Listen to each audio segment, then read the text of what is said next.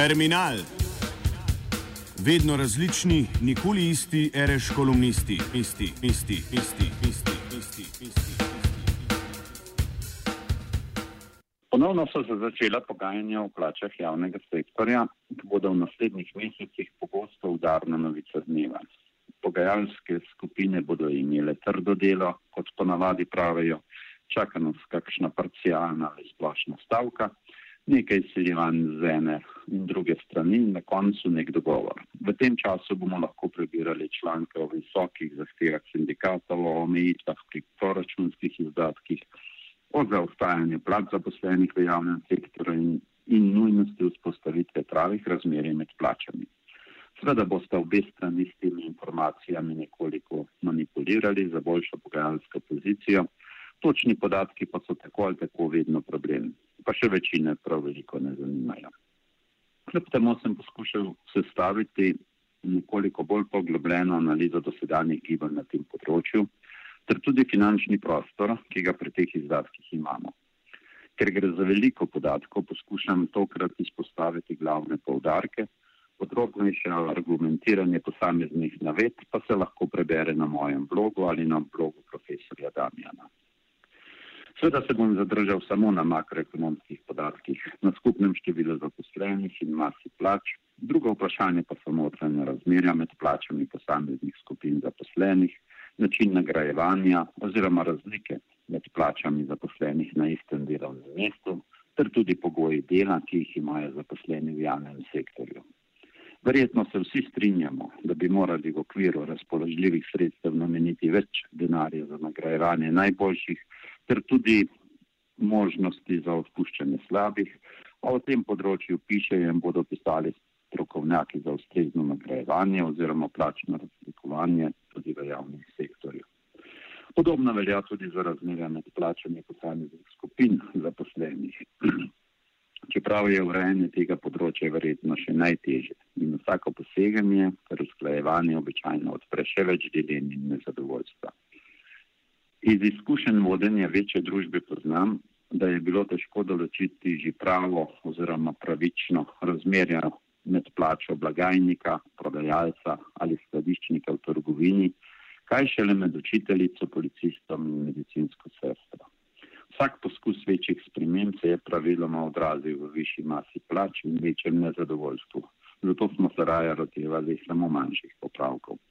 A kot zapisano, tokrat ne obravnavam notranje distribucije mase plač, seveda pa je to področje pomembno ravno tako kot skupni znesek plač.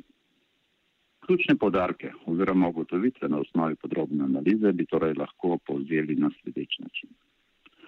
Predvsem javni sektor zajema predvsej širši nabor zaposlenih oziroma dejavnosti, kot si to ljudje običajno predstavljajo. Pogosto imajo namreč v mislih tistih nekaj birokratov, ki jim občasno grenijo življenje. A civilna javna uprava predstavlja manj kot petino vseh zaposlenih v javnem sektorju. Vse ostalo pa so zaposleni v šolstvu, zdravstvu, sociali, policiji in vojski. Statistično med tako imenovani širši javni sektor štejemo tudi vsa podjetja v državni lasti pogosto zamegljuje podatke o povprečni višini plač, zaradi česar moramo spremljati gibanje plač brez tega dela javnega sektorja. To izpostavljam zaradi tega, ker je naprimer v uradni mesečni informaciji povprečni plači zaposlenih v javnem sektorju zajeta tudi, so zajeta tudi podjetja oziroma zaposleni v elektrogospodarstvu, na Darsu, železnicah in ostalih državnih podjetjih in to seveda dodatno dviguje povprečno plačo javnega sektorja. Po zadnjih podatkih je v javnem sektorju, torej ožjem brez državnih podjetij, zaposlenih nekaj preko 170 tisoč ljudi, kar predstavlja okoli 18 odstotkov vseh zaposlenih v državi. Ožja javna uprava pa pravzaprav le 3% od skupnega števila delovno aktivnih v Sloveniji.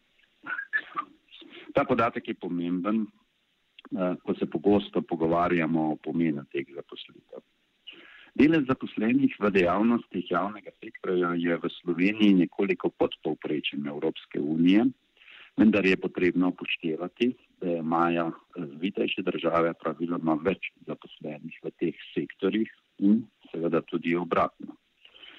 Če torej primerjamo število zaposlenih v javnem sektorju glede na razvitost Slovenije, ki jo merimo preko BDP-ja na prebivalca, imamo v dejavnostih javnega sektorja kar približno primerljiv delež zaposlenih glede na druge države. Število zaposlenih v javnem sektorju je v zadnjih 15 letih postopno naraščalo, tudi v času krize. A zanimivo, da podobno velja tudi za storitvene dejavnosti zasebnega sektorja. Do večjega upada zaposlenosti je pravzaprav prišlo predvsem v industriji in gradbeništvu in to na eni strani zaradi manjšega povpraševanja v obdobju 2009 do 2012, usporedno pa seveda tudi zaradi dokaj hitre rasti produktivnosti, ki je značilna predvsem za ti dve panogi. Povpraševanje po storitvah javnega sektorja pa na drugi strani uh, v času krize ni bilo manjše. Torej, povpraševanje po, po potrebah za zdravstvene storitve ali izobraževanje. In to je neka pomembna razlika med industrijo in javnim sektorjem. Medtem ko je produktivnost merjena z dodano vrednostjo na zaposlenega, kriterij rasti plač v tržnem, torej zasebnem sektorju, pa tega kriterija ne moremo uporabiti v javnem sektorju. Vsaj ne tako, kot ga običajno spremljamo. Dodana vrednost v javnem sektorju namreč ni rezultat neke fizične aktivnosti, niti obsega vrednosti opravljenih storitev, temveč je neposredno v bistvu rezultat višine plač. Bolj ko plače rastejo, bolj se povečuje dodana vrednost na zaposlenega, torej produktivnost in seveda obratno. Cene storitev na, v zasebnem sektorju se določajo na trgu in to se potem odrazi v ustvarjanju dodane vrednosti, medtem ko pa cene storitve v zasebnem sektorju, te pa so določene preko višine plačila javnim uslužbencem. Velja torej obratno vzročno zvezo, da je produktivnost v bistvu odvisna od višine plač in zato produktivnost javnega sektorja, izračunana kot ustvarjen dohodek na zaposlenega, ne more biti kriterij za določanje višine plač. Produktivnost javnega sektorja je denimo v obdobju 2011 do 2015 padla, pa to ne zato, ker bi zaposleni manj delali, temveč zato, ker so se znižale njihove plače. Zato se morajo plače v javnem sektorju gibati približno v podobni smeri kot plače v storitvenih dejavnostih zasebnega sektorja, ker pač moramo dolgoročno zagotavljati približno usklajen nivo plač na podobnih delovnih mestih. Če torej pogledamo gibanje povprečnih plač v javnem sektorju, so leti po letu 2005 porasle sicer manj kot v zasebnem sektorju, vendar povprečje celotnega zasebnega sektorja zaradi sprememb v strukturi ni ustrezen za primerjavo. Podrobnejši pogled v gibanje plač po dejavnostih namreč pokaže, da so se plače v javnem sektorju dolgoročno gibale podobno kot plače v storitvenih dejavnostih zasebnega sektorja. In do večjih odstopanj pravzaprav ni prišlo. Nekoliko bolj odstopa edino dejavnost izobraževanja, kjer bi bilo upravičeno mogoče nekaj več popravka, medtem ko pa so ostale dejavnosti javnega sektorja rasle podobno kot storitvene dejavnosti v zasebnem sektorju. Na osnovi vseh teh navedenih podatkov tako ugotavljam, da je dolgoročno tako število zaposlenih v javnem sektorju, ter tudi gibanje plač približno uravnoteženo glede na razvitost države, ter glede na rast plač na podobnih delovnih mestih v zasebnem sektorju. Seveda to ne pomeni, da je vedno najbolj ustrezno organizirano ali da marsikatero delo ni potrebno, mislim na javni sektor, a generalno nekih večjih odstopanj tukaj ni. V zadnjih treh letih, vključno z letošnjim letom, pa seveda prihaja zaradi gosp visoke gospodarske rasti tudi ponovno do hitrejše rasti plač. A masa plač za javne uslužbence, kar približno sledi rasti javnofinančnih prihodkov ter ustvarjanje dodane vrednosti v državi, torej bruto domačemu proizvodu. Kljub zaostrovanjem, stavkam, pritiskom na obeh stranih, končni rezultat pokaže, da je obseg izplačanih plač v javnem sektorju, govorimo seveda o skupni masi plač, naraščal zadnja tri leta nekaj desetink odstotne točke manj kot gospodarska rast, oziroma skupaj ustvarjena dodana vrednost v državi, kar je pričakovano, sprejemljivo in tudi upravičeno. Postavlja se mi edino vprašanje, ali je bilo za takšen, sicer pričakovan rezultat, potrebno sproščanje toliko negativne energije in ali bi na osnovi realnih okvirov in predstavljenih številk lahko dosegli hitrejši dogovor brez stavk zaostrovanj in vsega ostalega, kar se je dogajalo zadnja tri leta. Vsekakor pa to lahko vidimo tudi kot priložnost za aktualna dogovarjanja in usklajevanja.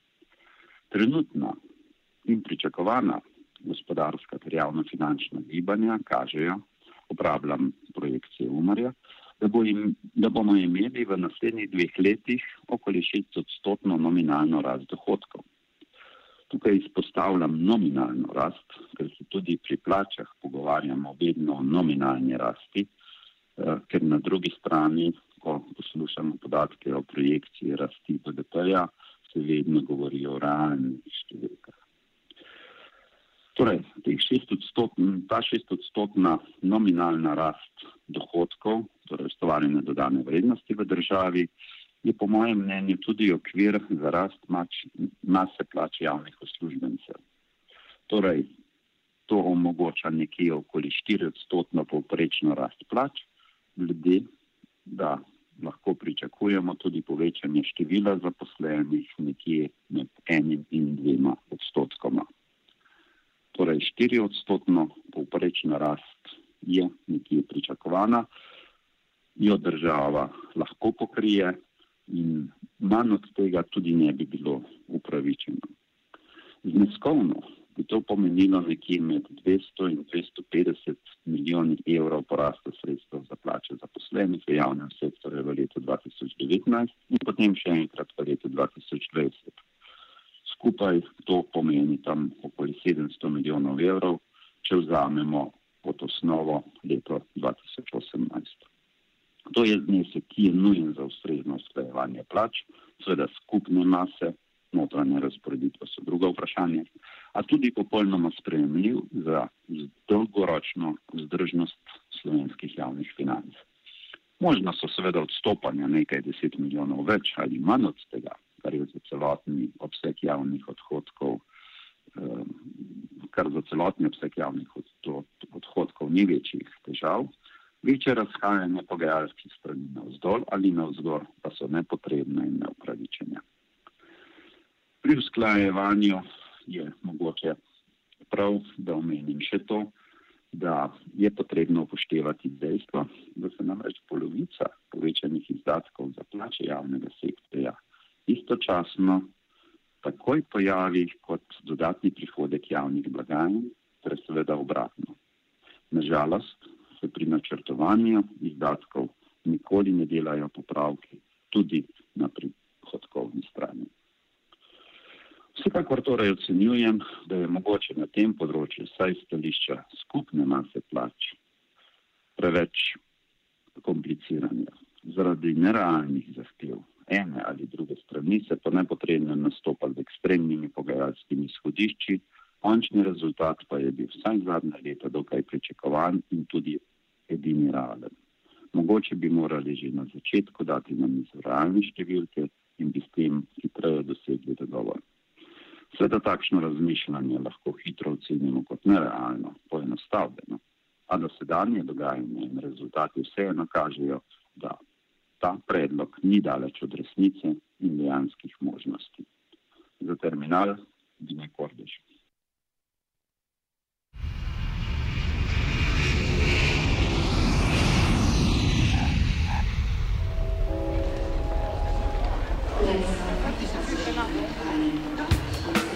Terminal.